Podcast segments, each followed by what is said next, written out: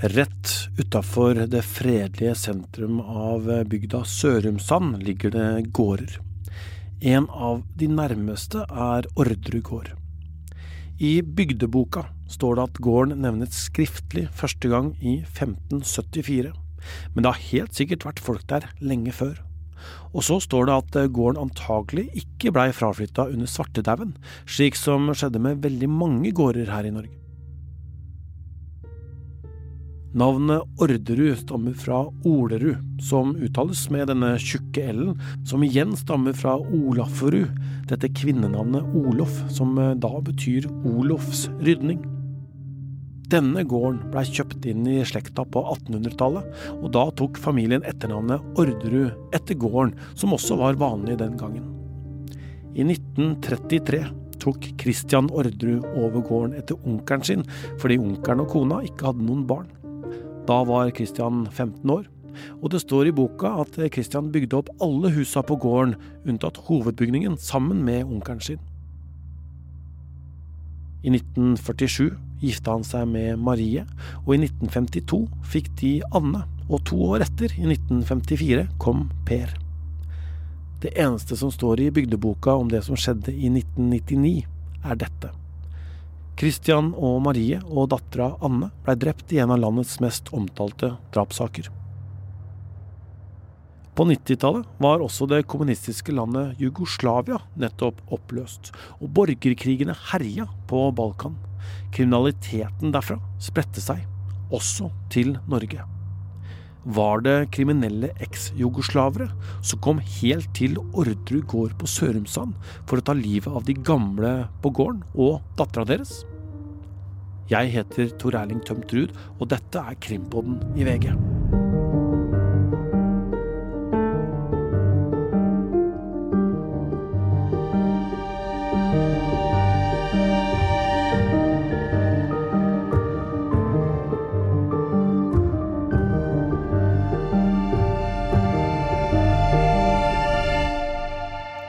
Husker fra den forrige episoden at vi har snakka med de to som kanskje står lengst fra hverandre når det gjelder gjenopptakelsesbegjæringene til Per og Veronica Orderud.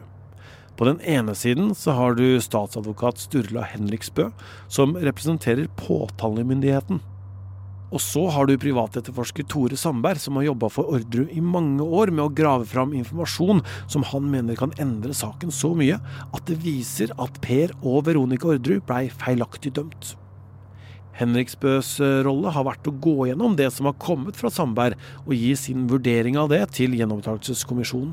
Og de to er mildt sagt veldig uenige. I forrige episode så tok vi annet for oss våpensporene. Nå skal vi til et kriminelt eks-jugoslavisk miljø.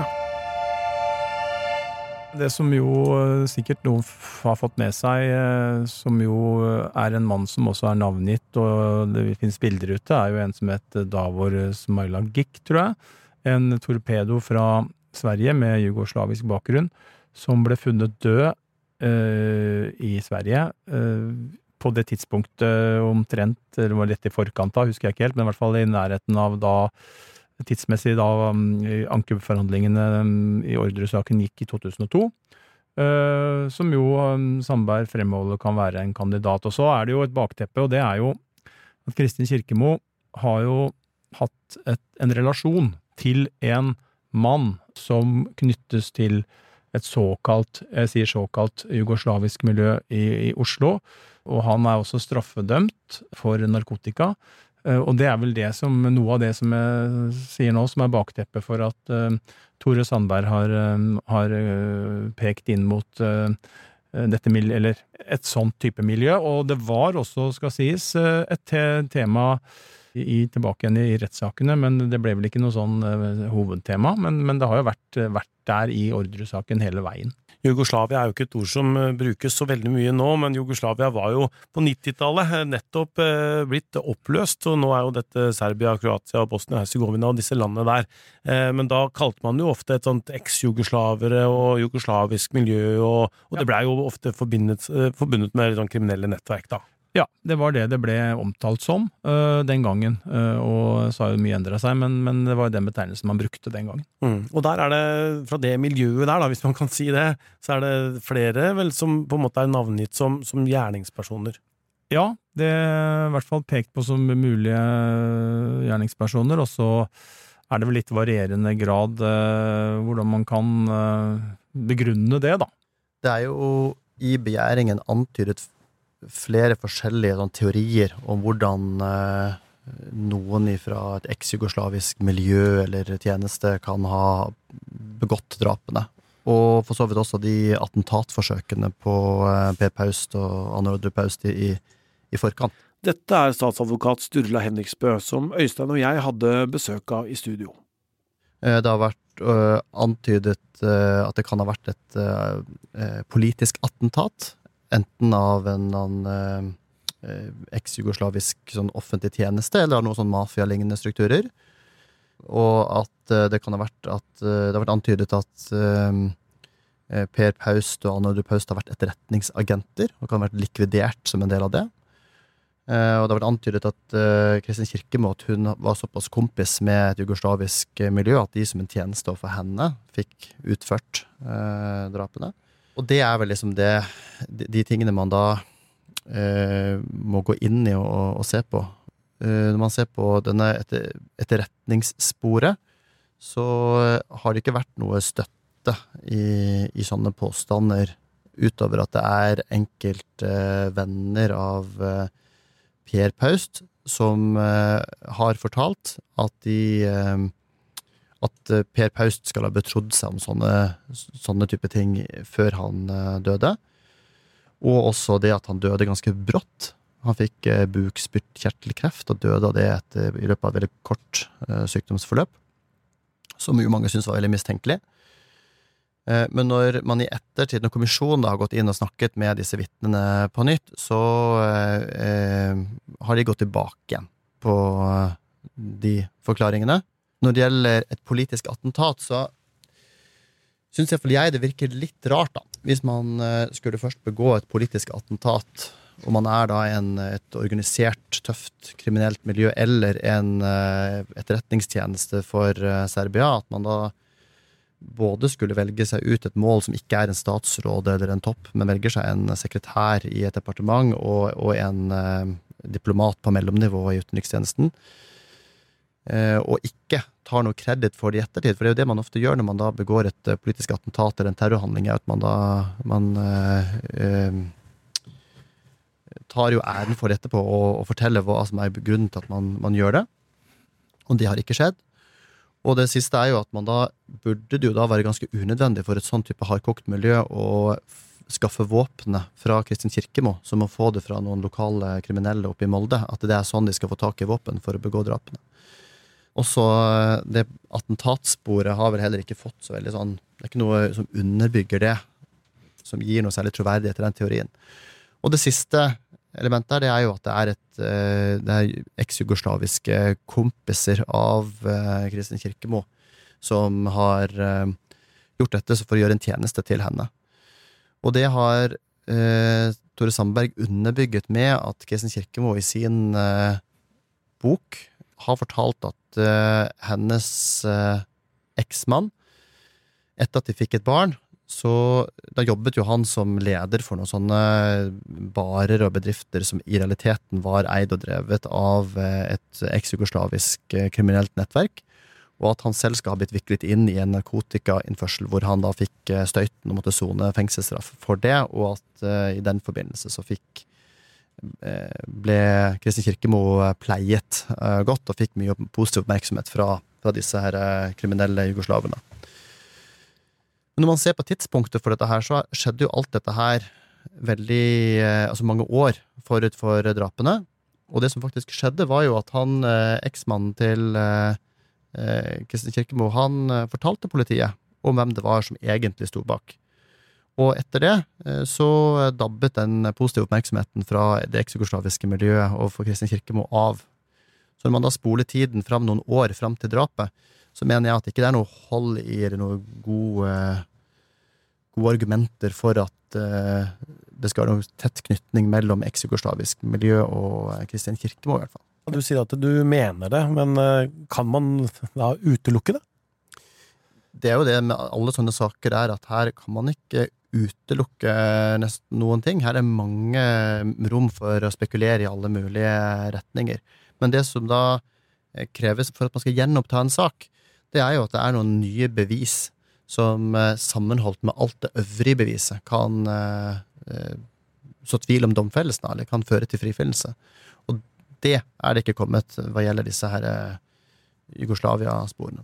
Når det gjelder de navngitte eks-jugoslavene som er blitt pekt på i begjæringen, så har Gjenopptakelseskommisjonen gått inn eh, i eh, den materien, og de har også avhørt en rekke personer.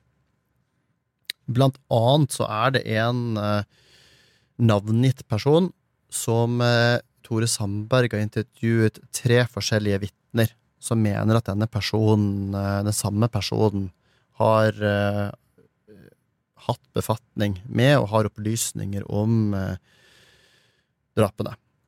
Eh, men det er litt forskjellige versjoner som de ulike vitnene har hatt. I en versjon så har denne personen vært en vaktmann som var til stede da drapene ble begått.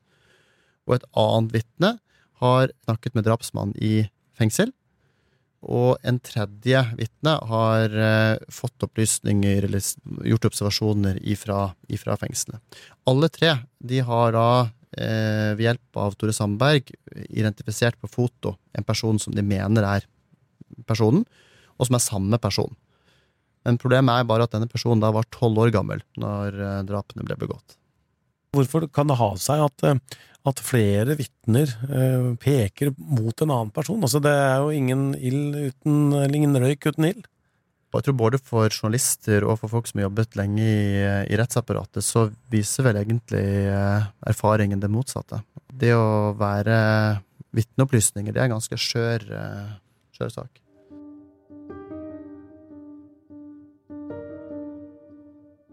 Og som du husker fra forrige episode, så har vi også vært på besøk hos privatetterforsker Tore Sandberg. Da det ble kjent at jeg var eh, inne i ordresak, eh, så eh, kom det et etter hvert betydelig antall henvendelser. Det ble kjent fordi Veronica Orderud var gjest hos Anne Grosvold i NRK. Eh, jeg tror det var i Kanskje det var i 2007 eller 2008. Eh, og eh, opp gjennom årene så, så har det kommet et betydelig antall henvendelser.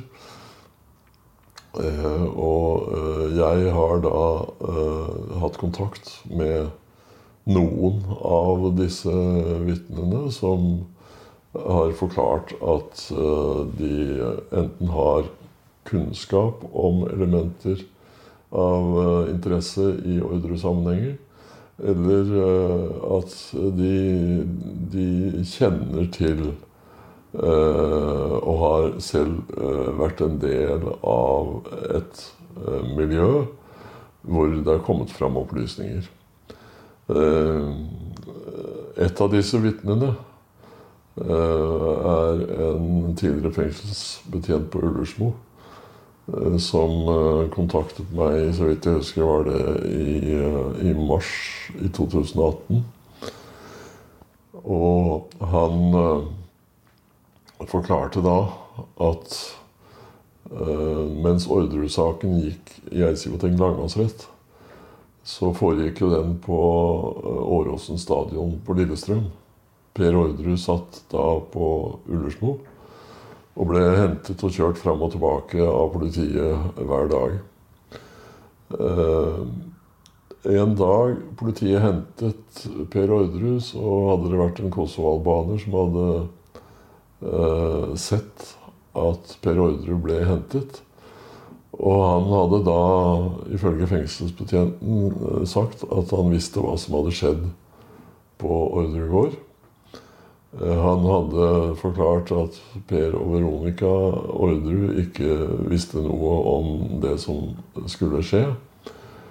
og så eh, hadde han sagt at det var en navngitt person pluss jugoslaven som hadde vært i kårboligen og utført drapene. Og da eh, fengselsbetjenten hadde spurt mer om denne jugoslaven, så skal Kosovo-albaneren ha sagt at uh, Hvorfor tror du at han ble henrettet 14 dager før Orderud-saken begynte i Eidsivating lagmannsrett?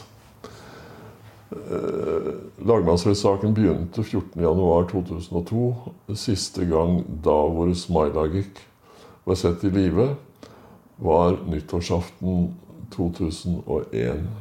Altså nøyaktig 14 dager før saken begynte i lagmannsretten. Og han ble da funnet drept i et eh, skogholt uh, utenfor Malmö. Jeg har i og for seg også vært på stedet der hvor han ble funnet. Svenske medier har jo uh, navngitt en person som uh, skal ha vært med på drapet på Davor Smarlagik. Uh, det er en kar som er blitt omtalt som Sveriges største seriedrapsmann.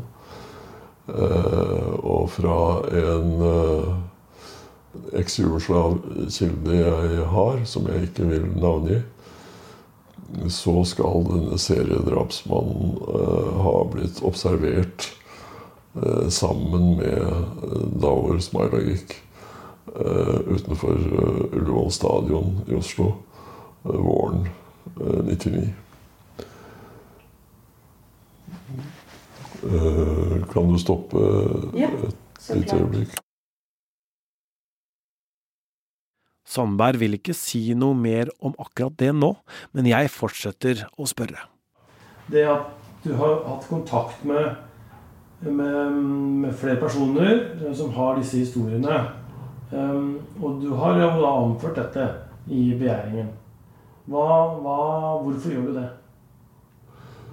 Altså, eh, når du får opplysninger om en som skal ha sittet på Ullersmo, eh, og som angivelig skal ha uh, hatt informasjon om hvem som utførte drapene Ja uh, hvis du ikke skjønner hvorfor det er interessant, så kan jeg ikke hjelpe deg, egentlig.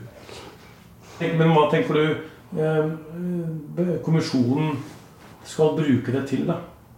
All informasjon som går i retning av å sannsynliggjøre eh, at det har vært navngitte gjerningspersoner eh, på stedet, Eh, må jo være av, eh, av interesse. Eh, ingen er dømt for drapene. Det er ikke identifisert Altså hele etterforskningen av Orderud-saken så er det jo ikke identifisert noen gjerningsperson. Og så skal Per og, og Veronica ha eh, engasjert eh, noen angivelige eh, torpedoer etter å ha eh, fått våpen av Kristin Kirkemo og Lars eh, Grønnerød. Eh, hvor de altså ikke skal være en del av hendelsesforløpet i kårboligen. Mens noen imaginære personer, som Per Orderud angivelig, skal ha, fått tak i. Altså Per Orderud han er av en av de lokale lensmannsbetjentene på Sørumsand beskrevet som at han er ikke i stand til å slå i hjel ei flue engang. Uh, og så skal han ha uh, lett seg fram til uh, noen torpedoer uten medvirkning av ja, hvem? Henger ikke på greip. Påtalemyndigheten i dag de sier at de står ved tidligere, det tidligere, at det ikke er holdepunkter ved at det er noen noen jugoslavisk miljø som står bak eh, drapene. Hva, hva tenker du om det? Eh, altså påtalemyndigheten eh, det, det har jeg vært vant til i et betydelig antall gjenopptakelsessaker. Eh, jeg har jo faktisk fått omgjort ti alvorlige dommer i Norge tidligere. Jeg har aldri, i noen sak, har jeg aldri møtt en påtalemyndighet som sa 'Å, så fint, Tore, at du har kommet inn i saken, sånn at vi kan få nye opplysninger'. Nei, det har vært steinhard motstand hele veien. De har gått oppover trappa skritt for skritt til fallhøyden blir så stor at de, de kan ikke De kan ikke gå tilbake. Skulle jeg nå også, etter ti saker hvor det er avsagt eh, dommer på mer enn 100 års fengsel, skulle jeg også uh, få eh, gjennomslag i Orderud, så antar jeg at de vil anse det som ikke bra, for å være uttrykke meg veldig forsiktig. Altså, hvor, hvorfor går de ikke inn og eh, tar anførsel for anførsel? Men kommer med antagelser. Ja, det er, det er riktig at de har gjort en undersøkelse knytta opp mot eh, bildet på personen som er forevist, og som eh, skal ha vært tolv år ved tidspunktet for, for drapene. Men å gå inn og vurdere substansen i det som blir forklart, det har jeg ikke sett at de har gjort. Mm. En annen ting som Tore Sandberg ikke får til å henge på greip, er hvorfor politiet kunne være så sikre på at verandadøra på baksida av kårboligen blei knust fra utsida. Hovedteorien og det som ble lagt til grunn i rettssakene, var nemlig at gjerningspersonen, eller gjerningspersonene, knuste et glass på verandadøra og tok seg inn i kårboligen på den måten. Men Sandberg har fått utført undersøkelser som handler om at det går an å knuse glasset fra innsida.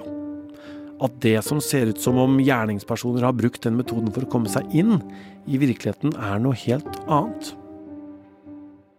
Per og Veronica Orderud de har jo aldri vært dømt for å ha begått drapene, sånn at åstedssporene på stedet Det er jo sånn at det, det flytter nødvendigvis ikke noe av grunnlag i seg selv da, for at uh, de uh, skal ha bestilt drap eller fått noen til å utføre det. Akkurat hvilken metodikk de som gjorde det, valgte å gjøre, betyr jo ikke at Per Veronica Orderud er uskyldig i å ha satt i gang oppdraget.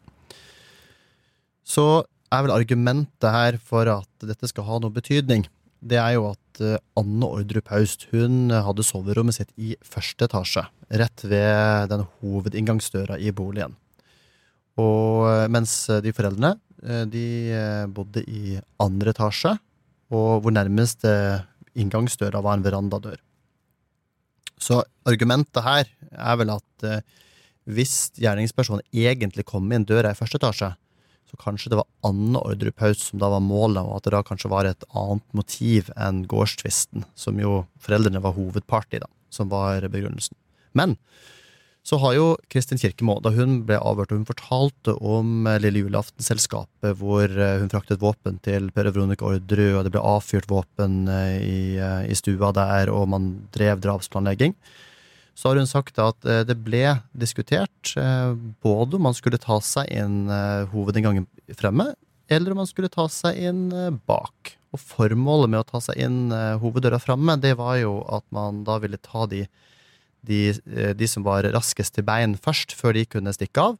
Og det var jo da Anne Ordre Paust og da hennes da mann Per Pausten da var på det tidspunktet var i live, først. Og så kunne man ta de som var dårlige til beins seinere. Så var det også et sikringsskap i vindfanget der som, var, eh, som det muligens var koblet noe alarm til, eller at man kunne ta strømmen, i hvert fall, mm. å frakoble det. Så dette var jo diskutert uansett. sånn at uansett om man skulle legge til grunn at gjerningspersonene tok seg inn eh, framme eller bak, så vil jo fortsatt dette ha vært en del av den planleggingsøvelsen som skjedde i forkant, ifølge Kristin Kirkemo. Men eh, når det gjelder de konkrete sånn kriminaltekniske sporene, da, så har jo Tore Sandberg han har argumentert med ting som han mener er, er feil ved de kriminaltekniske undersøkelsene. Det går på en, den verandadøra som da var knust, og som han jo eh, eh, sier ble knust fra innsiden. Og det finner han støtte i en sånn eh, rapport fra en glassmester eh, som, har, som, han er engasjert for å gjøre en undersøkelser. Eh, denne glassmesteren har gjort tre forsøk på å knuse en tilsvarende glassdør fra innsiden, men ingen forsøk på å knuse det fra utsiden. Og så eh, mener han da at de, de, vurderingene fra den glassmesteren det da tilsier at uh, det kan ikke ha vært sånn som kriminalteknikerne til Kripos mente. Også ut ifra uh, at uh, innslagspunktet er under en sprosse som var på utsiden, så man kan ikke ha knust det der. Når vi har sett på det og fått litt hjelp fra folk som har kriminalteknisk bakgrunn, så stiller vi spørsmålstegn ved det faglige grunnlaget for denne rapporten. Eh, og iallfall ikke er, er eh, tungtveiende nok til å kunne til å svekke det, de konklusjonene som kriminalteknikerne, som jo er eksperter på, på glass og sånt, eh, har kommet til. Det er ganske morsomt at statsadvokaten påpeker manglende kompetanse har vi noen dokumentasjon fra eh, Kripos, teknisk sett, for uh, knusningen? Nei. Det er Tore Per Bakkens uh, forklaring. Og så peker han på eh, en sprekk i en Hva heter det for noe? Der? Sprosse? ja. Jeg begynner å bli gammel, vet du. Tore Per Bakken peker på en sprekk i en sprosse. Og at eh, den angivelig er et bevis for at det er knust fra utsiden. Men hvis jeg trykker en, knu, en, eh, en rute innover og en sprosse innover, hvor vil det da sprekke? Vil det sprekke på utsiden eller på innsiden? Jeg er ikke noe glassekspert. Det er ikke jeg heller. Men hvis, hvis, du prøver, så vil det jo sprekke på innsiden. Men det helt avgjørende i dette, det er jo at politiet skriver på sin video idet de går inn i kårboligen, der ser en et anslagspunkt og det anslagspunktet ligger eh, på innsiden rett innenfor en sprosse på utsiden. Og eh, konklusjonen i rapporten er at det er ikke mulig å få til fra utsiden. Du kan ikke treffe eh, på, på, innsiden bak sprossa. Eh, dessuten så er det det er forhold knyttet til knusning og hva som da skjer rent fysisk eh, når glasset eh, sprekker og, og, og knuses. Jeg tror ikke jeg skal gå veldig inn i detaljer på det. Men de har altså også vurdert det. Og eh, Tore Per Bakken har jo ikke lagt fram noen eh, faktisk Eh, teknisk undersøkelse. Eh, så hvorfor spør ikke statsadvokaten om det? Hvorfor mener han at eh, Kripos sin undersøkelse er mye bedre enn den glassfaglige undersøkelsen? Uforståelig. Det vil si det er, det er forståelig hvis statsadvokaten på død og liv må hindre at Per og Veronica Orderud får uh, saken gjennom. Da skjønner jeg det. Hvis uh, glasset ble knust fra innsiden.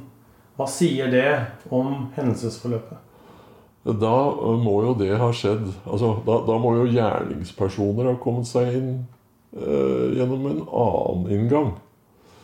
Og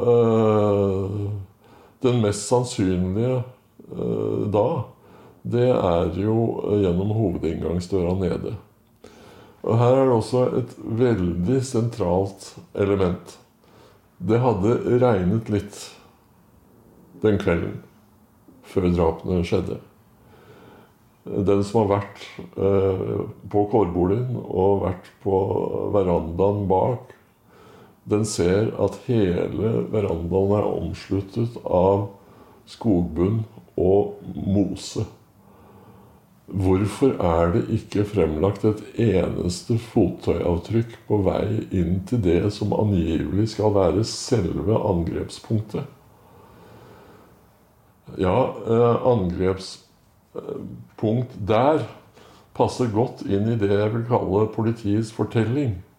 Fordi går de inn på baksiden, da er det foreldrene Christian og Marie som ligger nærmest. Mens Anne Orderud Paust eh, lå nede. Eh, og da, da vil foreldrene være lettest tilgjengelig. Men hvorfor er det ikke eh, lagt fottøyavtrykksfolier nede?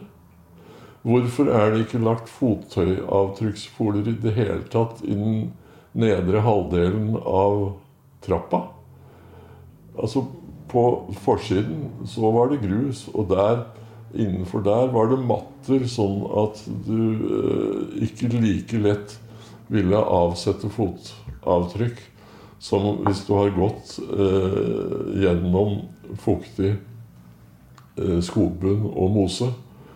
Eh, og eh, når, eh, når de sier at, at de har bare funnet avtrykk av en damestøvlett, angivelig. Vi har spurt om å få fremlagt foto av alle fottøyavtrykk som de angivelig har funnet. Tror du vi har fått svar på det? Nei, da må du tro om igjen. Tror du at vi vil få svar på det? Uh, jeg har ingen tro på at uh, de, de, vil gjøre det. De burde gjøre det. for fottøyavtrykkselementet Eh, i denne saken, det er jo sånn at alle mener, også politiet som har uttalt seg, mener at det er vesentlig mer sannsynlig at det har vært minst to gjerningspersoner inne enn én som skulle ha håndtert både pistol og, og revolver. Ja, men da da burde det være fottøyavtrykk etter flere, da. Og hvis det ikke er fottøyavtrykk etter flere, som politiet har funnet i hvert fall Ja, men hvis de mener at det er flere inne, hvordan kan de da utelukke at de har kommet inn gjennom uh, hovedinngangsdøra? Når Tore Sandberg nevner fothøyfolier, så er det nesten det samme som en gjennomsiktig plastfolie med lim på den ene sida. Den legger kriminalteknikerne ned og får med seg på folien det som er på underlaget. Sandberg mener at kriminalteknikerne la ut for få sånne fottøyfolier for å få med seg fotavtrykk opp trappa. Så dermed så kan de ha oversett fotøy fra gjerningspersonen løpende opp nedenifra. Til det så har vi eh, snakket med de eh, opprinnelige kriminalteknikerne som var der, eh, og sett gjennom de forklaringene de ga for lagmannsretten. Og da er jo de enige i at de brukte ikke mye fottøyfolie der, fordi at det de først gjorde, var å lyse med spesiallys på gulvet for å se om det er noen spor etter fotavtrykk. Og da fant de jo ut at Eh, det var ikke noen spor å sikre med noe fotøyfolie, derfor la de heller ikke ut folie der. Så det er forklaringen på det. Og det som også er verdt å merke seg, er at denne eh, helga så var det en ganske våt helg i, i Sørum. Det var vått eh, bak eh, kårboligen. Og det man eh, ser av fotspor, er at de eh, tydeligste skosavtrykkene etter gjerningspersonene, de finner man eh, ved verandadøra, gående i retning innover i boligen. Og de eh, som er svakest, det er de som da er eh, innerst i, i huset, lengst vekke fra døra. Så det betyr at dere tenker det mest sannsynlig at en, den gjerningspersonen man har funnet skoavtrykk etter, har kommet med våte sko inn, og jo lenger vedkommende går inn i huset, jo mindre fuktighet og vann eh, er det på skoen, og jo dårligere blir fot, eller Ja, for det er, det er jo et logisk resonnement, i hvert fall, eh, å tenke seg. Og så er det jo det at de, i tillegg så er jo eh, det, hoveddøra i første etasje, som for alt vi vet, gjerningspersoner kan jo ha forsøkt å ta seg inn der først, eh, det vet man jo ikke, men det, er en, det leder- inn i en entré, eh, og hvor det er en dør i, inn til eh, hallen i første etasje, og den var låst eh, fra innsiden med nøkkelen i, sånn at om en gjerningsperson som lister seg inn dit, skulle ha tatt seg inn hoveddøra med nøkkel eller uh, uten nøkkel, uh, så ville de antakeligvis ha kommet til en stengt dør.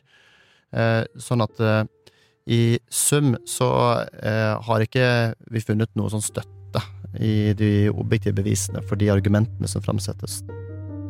Ja, altså det, det er jo ikke holdbart. Hvorfor legger du ut fotavtrykksfolier da? Da kunne jo ha lyst gjennom hele kårboligen, da. Og øh, vi vet jo Anne må jo ha beveget seg opp. Eh, har de sett noen spor etter henne? Og det jeg har sett, er altså at de har lyst da med, eh, med en sånn lampe eh, nede. Jeg har ikke sett at de har lyst i deler av trappeløpet. Eh, og dessuten så var det jo matter både i vindfanget og inne i hallen på vei mot trappa opp en etasje. Og jeg vet ikke om de bruker Volpi-lampe for å se om noen har trådt på, på matter. Det høres ikke særlig eh, tillitvekkende ut som eh, grundig etterforskning i en, eh, en drapssak. Politiets fortelling er bygget opp om at eh, det er foreldrene som er angrepspunktet. Og så fjernes da elementer som eh, peker i en annen retning. Og så kom det jo overraskende nyheter i denne saken, helt nylig. Det blei oppslag i alle medier etter at Krimpodden kunne fortelle at det var funnet en DNA-match. På noen teipbiter som var festa på dynamittgubben, som vi husker blei brukt i attentatforsøk 1 før drapene, fant de nå DNA til Kristin Kirkemo. Hun blei dømt for dette attentatet i første rettsinstans, men i lagmannsretten så nedla statsadvokatene påstand om frifinnelse. Altså, hun blei frikjent i runde nummer to. Hvordan vil dette DNA-treffet forandre saken? Statsadvokaten var helt rolig på det. Da domstolene behandla Orderud-saken, så la de til grunn at det var gårdskonflikten som eh, lå bak drapene. Etter det vi kan se, så er det ikke noen annen grunn som eh, Kristin Kirkemo kan ha hatt for å bidra i hendelsesforløpet rundt disse attentatforsøkene i forkant, enn nettopp gårdskonflikten. Dermed så understøtter også disse nye DNA-funnene det som har vært påtalemyndighetens teori, og som er lagt til grunn av domstolene ved domfellelsen av alle de fire domfelte i saken. Hva har det å si for dommene som, som er i denne saken her? Men dette funnet her er helt i tråd med den tiltalebeslutningen som ble tatt ut mot de fire. Og det styrker grunnlaget for, eh, for domfellelsen. Men hva sier Tore Sandberg til dette? Jeg måtte ringe ham opp og be ham om å kommentere dette DNA-treffet. Ja, Nå hører du meg. nå hører jeg deg. Hvordan ser eh, du eh, på dette at det har kommet av en DNA-match på Kristin Kirkemo i denne saken? Ja, dette er for oss enda en gjenåpningsgrunn for uh, Per og Veronica Orderud. Uh, nå er det ikke noe overraskelse at eh, Kristin Kirkemo skal ha hatt en tilknytning til dette attentatforsøket. Hun var jo dømt for dette i høyesteretten. Men nå eh, er det altså et teknisk bevis som knytter henne til det attentatforsøket. Og eh, om det DNA-resultatet hadde foreligget den gang, i 1998-1999, eh, så eh, ville det jo ganske åpenbart ha vært reist en eh, en straffesak mot eh, Kristin Kirkemo.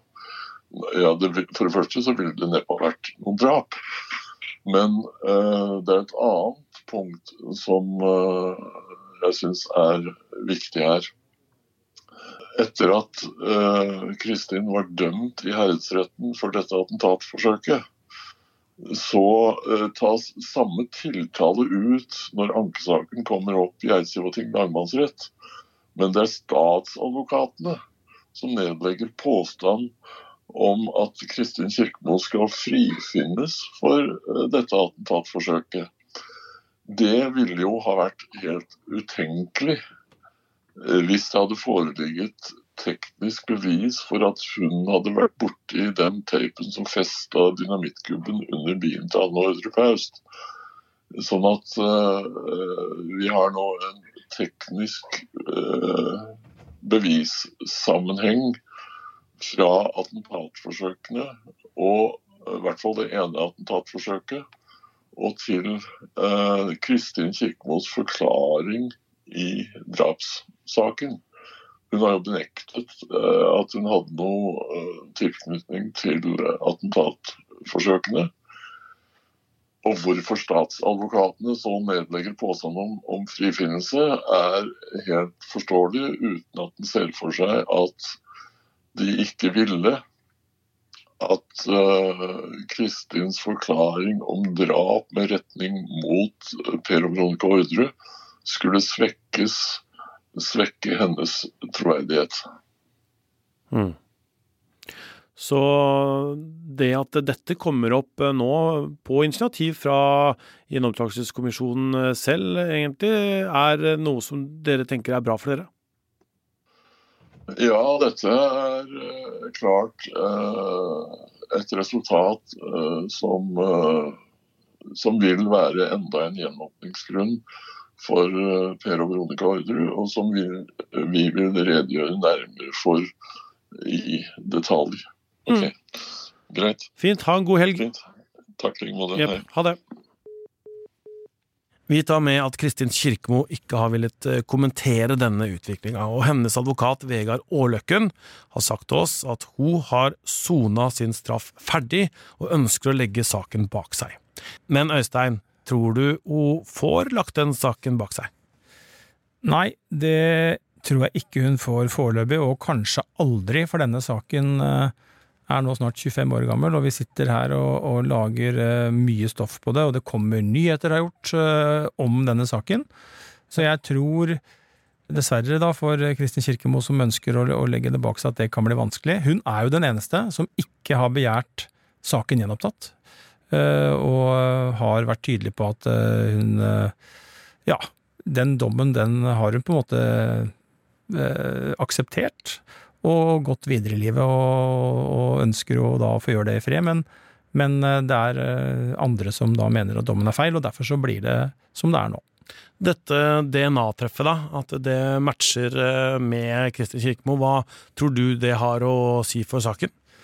Ja, Det blir jo spennende å se eh, hvordan kommisjonen vurderer dette nye beviset, for det er det jo. Og så er jo spørsmålet som vi har vært inne på, om kommisjonen vurderer som et bevis som styrker den dommen som ble avsagt, altså styrker at disse fire eh, sto sammen om det her, som dommen eh, konkluderte med, og at eh, et DNA-treff på Kristin Kirkemo, ja, bare understreker det. Eller om kommisjonen tenker at dette svekker hennes troverdighet. Hun var bærebjelken i dommen mot Per Veronica Orderud, og, og sånn sett at det trekker i retning av at man skal vurdere en gjenåpning av saken. Så jeg er jo veldig, veldig spent på det som ligger foran oss nå, og det øh, Ja, jeg er veldig spent på det.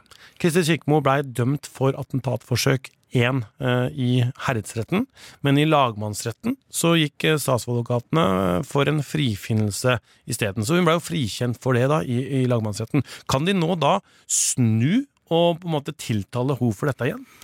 Nå er vel den uh, foreldet. Dette var jo, hun var jo tiltalt for trusler, grove trusler, og det mm, er jo uh, ganske lav strafferamme i forhold til drap, i hvert fall på det. Så det er nok ikke aktuelt for hennes del. Ja, men hvorfor gikk statsadvokatene for frifinnelse? Det må jo Jørn Maurud eller Olav Helge Thue, som akturerte saken, svare for. Men eh, påtalemyndigheten skal jo til enhver tid være objektive og vurdere fortløpende om de har eh, grunnlag for å påstå dom. Og det, og det, er jo ikke så lenge siden, og det var jo en voldtektssak her i Oslo eh, hvor aktor, etter at det hadde blitt en dom i tingretten, kom til lagmannsretten, hørte bevisene og slo fast at nei, her er det ikke grunnlag for å påstå straff, og nedla da påstand om frifinnelse. Det er jo sånn påtalemyndigheten skal jobbe. Og så er det jo eh, spørsmål om å ha vært eh, ymta frampå om det var en teknisk, nei, en taktisk, unnskyld, vurdering eh, som lå bak eh, helomvendingen når det gjaldt Kirkemo og attentatforsøket.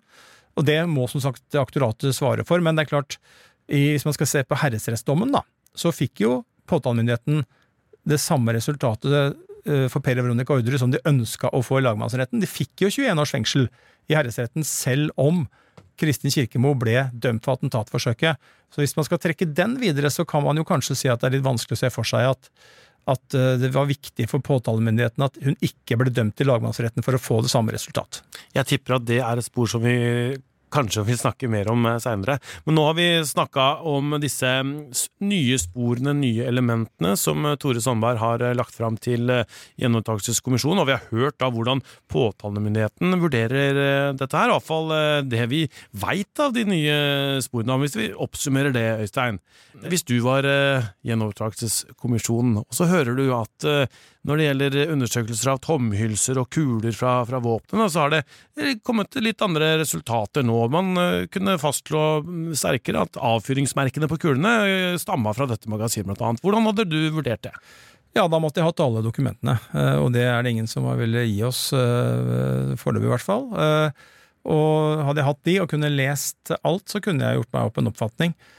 Og så tror jeg det er eh, trolig at kommisjonen vurderer ting eh, litt sånn forskjellig her. At det er noe de mener kanskje ikke endrer på noe, men så er det jo kommet noen nye elementer inn, og det er jo det vi har vært innom eh, i flere runder. er jo er jo hvordan man vektlegger det, og der er jo DNA-beviset til Kristin Kirkemo et godt eksempel, hvor eh, de som da ikke skal avgjøre dette her, men som skal argumentere for hva avgjørelsen skal bli, nemlig statsadvokat Henrik Spø på den ene sida og, og Tore Sandberg og forsvareren til ekteparet Orderud på den andre siden, de har jo helt forskjellig syn på hvordan dette DNA-beviset skal tolkes inn iblant kommisjonsmedlemmene. Henrik Spø, statsadvokaten, mener at dette underbygger at dommen var riktig, og sier at ja, det var det vi sa. Eh, vi hadde bare ikke nok bevis. Mens eh, Sandberg og Sjødin og Sulland de mener jo at dette snur saken på hodet, og at Kristin Kirkemos troverdighet ikke kan legges til grunn når hun sier at ekteparet Orderud var med på drapsplanlegging og anskaffa, var med å anskaffe våpen. Og det samme gjelder da med disse nye våpenundersøkelsene? Ja, det er i hvert fall noe delte oppfatninger der også, så her, her blir det jo Og det er jo ikke så uvanlig at omfattende rapporter med lange utgreiinger og Eh, på den ene siden, på den andre siden. Eh, at man kan ha forskjellige oppfatninger der, så, så, så, det er jo Ja, sånn hender det der. Dette her med Ruger og Luger, da, det, det har interessert meg litt etter at jeg liksom har satt meg ordentlig inn i dette her. Eh, eh tror du at det kommer til å, til å velte denne saken? Ja, det blir også opp til kommisjonen å avgjøre, da, men det er jo rart at Kristin Kirkemo Lars Grønnerød snakker om en luger. Eh, og en ruger. Mm. Eh, og så er det andre opplysninger som peker i retning av at det kan være to rugere. Og så har vi vært innom eh, elementer som sikkert kan tolkes andre veien. Eh, Broren til Kristin Kirkemo og Veronica Orderud, han var jo på låven lille julaften, sier han, og fikk se de to våpnene som Kristin Kirkemo hadde med seg fra Molde. Han sier at det var to rugere. Eller iallfall to like våpen. Ja, men han tror han kalte det ruger også. Stemmer. Og så vet vi jo at det ikke ble stjålet noen lugere fra Molde. Vi vet at det ble stjålet rugere. Og så mener jo politiet at de har funnet de samme ripesporene i hylser på skytebanen hvor det våpentyveriet skjedde i Molde, som de har funnet uh, på, i kårboligen, og som jo innebærer at påtalemyndigheten mener at det var en ruger som ble brukt under drapene. Man har, mener å ha fulgt da dette magasinet, som må være et rugermagasin, fra skytebanen hvor det var stjålet rugere, og via kårboligen, og da til leiligheten til Lars Grønnerød. Så, så her er det ikke et klart bilde. Men sånn som jeg leser eh, dommene og har hørt fra rettssakene, så ble ikke dette med luger, ruger gjort et sånt veldig stort tema. Kan det være nå at, at kommisjonen liksom tenker at ok, det hoppa de bare bukk over den, den, gangen, men nå bør vi ikke det. Nå er det på en måte opp i lyset igjen, og det må være nok til å få gjenåpna saken. Kommisjonen må i hvert fall vurdere det spørsmålet, for det er jo noe av det som er eh, hovedpoenget til uh, Tore Sandberg, privatetterforskeren til ektepar Orderud. Uh, og så har jo vi her i studio hørt Henriksbø si at påtalemyndigheten ikke mener det er et viktig poeng, og da blir det det samme her som det blir med DNA-sporet til, til Kirkemo. At kommisjonen må da veie dette opp mot hverandre, og, og, hvor viktig er det? Og det er jo en av flere vurderinger som skal gjøres, og som jo gjør at vi sitter ytterst på stolen og venter på at kommisjonen skal avgjøre denne saken som vi har gravd oss inn i løpet av høsten. Ja, og det er jo mer. altså Dette eks-jugoslaver-sporet, da. altså Det er en navngitt person her som Tore Sandberg mener kan ha vært med på, på drapene. Og vi hørte da også påtalemyndigheten si at nei, det er ikke noe i den retning, liksom. Kommer det til å bli noe mer kjent hva, hva det her dreier seg om? Ja, det er jo et av de viktige momentene, mener Tore Sandberg, og peker på da dette eks-jugoslaviske miljøet, men denne mannen som uh, har vært nevnt, uh, er jo død. Uh, og om det lykkes å grave fram noe mer informasjon om han som gjør at du kan utelukkes eller bekreftes at han var i nærheten av Sørumsand og enda mer konkret i Orderud-området og i kårboligen, det spørs jo, for han døde jo i 2002. Omstendighetene rundt dødsfallet så vidt jeg vet, er uklare. Han ble funnet død utendørs i, i nærheten av en vei, tror jeg. Men hva som har skjedd og hva han har gjort i forkant og sånn, det, det har vi jo ikke noe så mye informasjon om. Et siste oppsummerende spørsmål. Var det slik at gjerningspersoner kom inn i kårboligen ved å knuse glasset på verandadøra og ta seg inn den veien, eller var det bare en avledningsmanøver? Og Der står de mot hverandre, da. Tore Sandberg har hatt ekspertise inne som mener at uh, Kripos sin konklusjon om at glasset var knust fra utsida, og altså da som en første ledd i å komme seg inn i kårboligen. At man knuste glasset innen verandadøra, stakk hånda inn og fikk åpna døra som var låst fra innsida. Det mener disse ekspertene som Sandberg har engasjert, at, eh, at det ikke står seg, men at glasset er knust fra innsida. Og så skal vi nå ikke begi oss ut på den lange analysen på øh, hva som kan ha skjedd, og hvorfor ting kan ha skjedd øh, i forhold til de ulike hypotesene der, men vi kan nøye oss med å si at politiet mener jo å kunne si at det ikke har vært noen for det første nede i øh, første etasje, og så er Sandberg kritisk til den konklusjonen.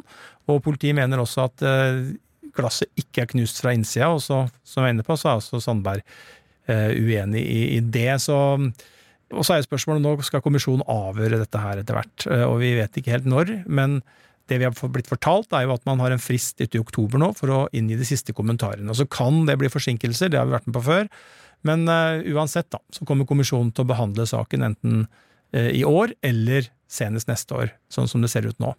Og så er jo da det store spørsmålet er jo uansett utfall, om da denne saken uh, legges død, og når vi har vært igjennom det vi har vært nå, så tror jeg svaret på det er nei. Nei, det er ikke det siste i denne omgang engang, for her trodde vi at episoden var ferdig. Men etter å ha hørt gjennom, så mente Tore Stamberg at det var en viktig ting til. Han mener nemlig at det ikke er sånn at man kan si at våpen som stamma fra våpentyveriet i Molde, og som Kristin Kirkemo tok med seg til Østlandet, med sikkerhet blei brukt inne i kårboligen.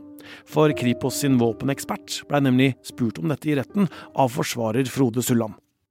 Ja, det, det er riktig å, å, si det sånn. Og han uttrykker helt uh, klart også at uh, på spørsmål fra Sulland at det går ikke an å si eh, om det er noen av de våpnene som er kommet fra den turen, altså turen til Kristin Kirkemo. og dette så jo alle tre dommerne i lagmannsretten så og hørte statsadvokatene så og hørte dette. Så hvorfor later de som om de ikke har hørt det Øren faktisk sa i retten? Eh, og bygger eh, altså dommen på det motsatte av det Øren sier i retten. Og uh, hvorfor fortsetter statsadvokat Henriksbø uh, akkurat den samme øvelsen? Uh, har han ikke lest side 57 i gjenåpningsbegjæringen, hvor dette går fram i klartekst, har han ikke åpnet vedlegg 18 og sett og hørt hva Leif Øren sa i retten. Det er sånn at bevislinjen fra Fannefjord eh, pistolklubb til uh, Grønnerød magasin og til Åsted, den eksisterer ikke etter hva Øren altså har uttrykt, sammenholdt med tre tekniske ekspertuttalelser fra Norge, fra Texas og fra Danmark. Kan vi høre det klippet, da? Fra, fra retten? Det, det, skal du gjerne høre. Da setter jeg det i gang nå. Kort oppsummeringsvis i forhold til dette med funnene på Fannefjord. Er det mulig ut fra disse patronhullsfunnene å si noe om hvilket av disse våpnene som man ikke har hånd om, som er brukt på åstedet? Nei. Nei. Så eh, betyr det igjen at uh, hvis man uttaler seg på den måten at uh,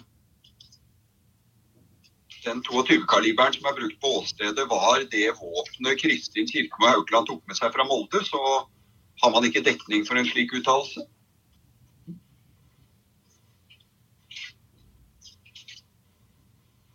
Nei, Det kan ikke vi si uh, noe om, om det er noe av de våpnene som er kommet i dag. Nei.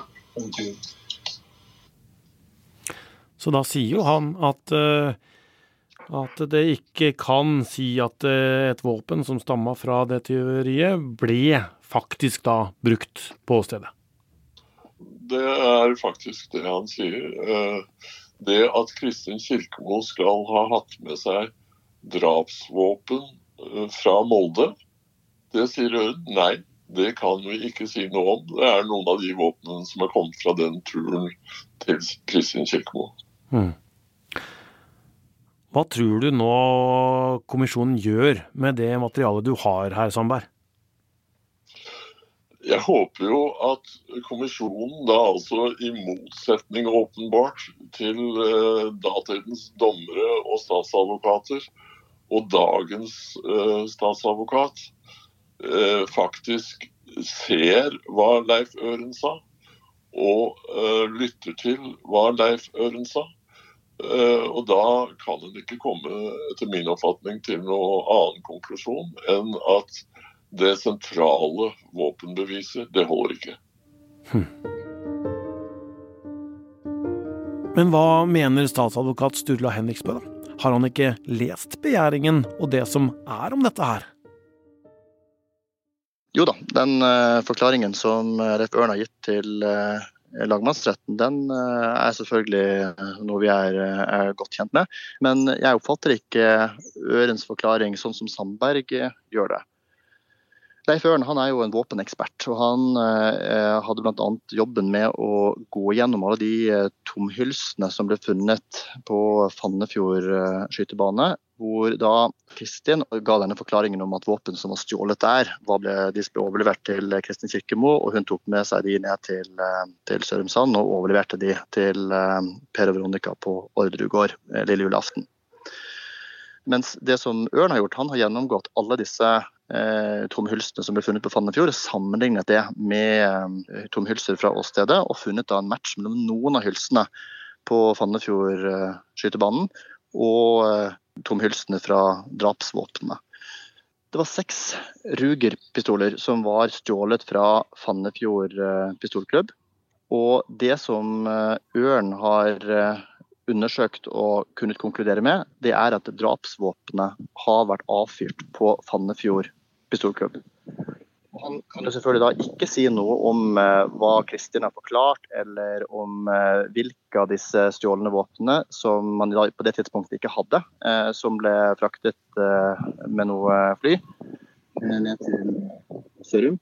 Så han, det eneste han kan forklare seg om, det er at, det at drapsvåpenet har vært avfyrt der. Eh, sånn at jeg tenker at det er ikke noe eh, rart i eh, hans forklaring eller i hans svar i det hele tatt. Det er helt naturlig. Men det som er nytt siden den gang, det er at man har da i årenes løp så har man funnet, politiet funnet i diverse straffesaker alle de andre våpnene som ble stjålet fra Fannefjord pistolklubb, bortsett fra ett våpen. Og det er en Ruger modell 1. Sånn at eh, kanskje i, i, dag så ville nok muligens svaret fra Øren vært annerledes, og, og, i større grad konkluderende med tanke på at hvis man da eliminerer bort disse andre stjålne våpnene, så er det da bare ett våpen igjen. Eh, og det er jo denne Ruger modell 1. Som ingen har funnet? Som fortsatt ikke er funnet. Er det den modellen som da ligner mer på en tysk Luger? Jeg kan ikke si at det det finnes mange forskjellige versjoner av uh, lugere og rugere der ute. Er, og også modell 1 og modell 2 finnes i forskjellige utgaver. Så det kan jeg ikke si når, vi ikke vet nøyaktig utseendet på det stjålne våpenet. Vi har jo spurt eh, Gjenopptakelseskommisjonen om de kan kommentere eh, alt det som vi har snakka om nå. Det har de ikke villet gjøre, men de opplyser om at det har blitt gjort utredningsskritt, som de kaller det, som da også har ført til at saksbehandlinga har trukket ut i tid. Det har de skrevet til mail til oss. Eh, vi har denne høsten, som vi sier, snakka oss gjennom hele ordresaken og skal fortsette med det. Disse episodene finner du på Podme eller hvis du hører via VG+, og jeg anbefaler jo da at du hører de episodene for å følge disse resonnementene som du har hørt Sturla Henriksen Aasbø og Tore Sandberg eh, snakke om her, da. Ja da, vi får være så ubeskjedne, Tor Erling, og si at uh, disse Podme-episodene våre, de, de, er det matnyttige ting å finne i.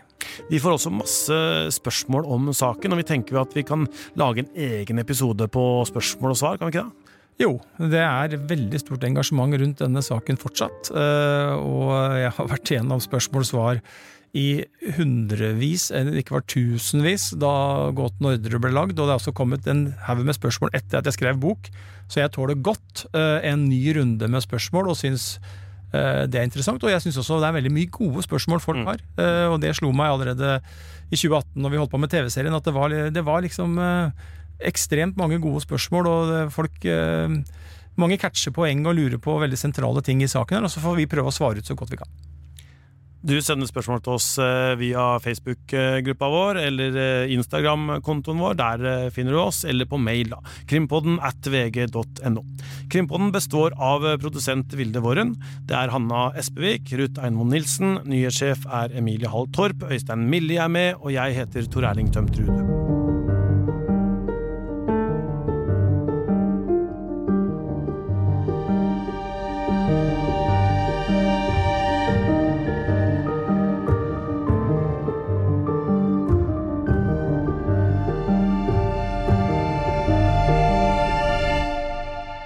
Har hørt en podkast fra VG. Ansvarlig redaktør, Gard Steiro. I 2016 ble Norge rysta av et sjokkerende lydopptak. Hun derre junkisen. Det starta med en telefonsamtale. Han går rett på å fortelle meg at jeg er gift med en kriminell. Så en torpedo, utpressing og drapsplaner. Hva i huleste er det det her dreier seg om? Hør advokatens hemmelighet, om en advokatskandale og ekteskapet som rakna. Det er jo meget alvorlige forhold. Du finner den hos Podmy. Etter at uh, denne episoden blei sendt, så har uh, statsadvokat uh, Sturla Henriksbø gjort oss oppmerksom på at han sa feil. Alle de andre rugerne fra tyveriet på pistolklubben er ikke funnet. Det mangler fortsatt to. En Ruger modell 1 og en Ruger modell 2. Bare så det er oppklart.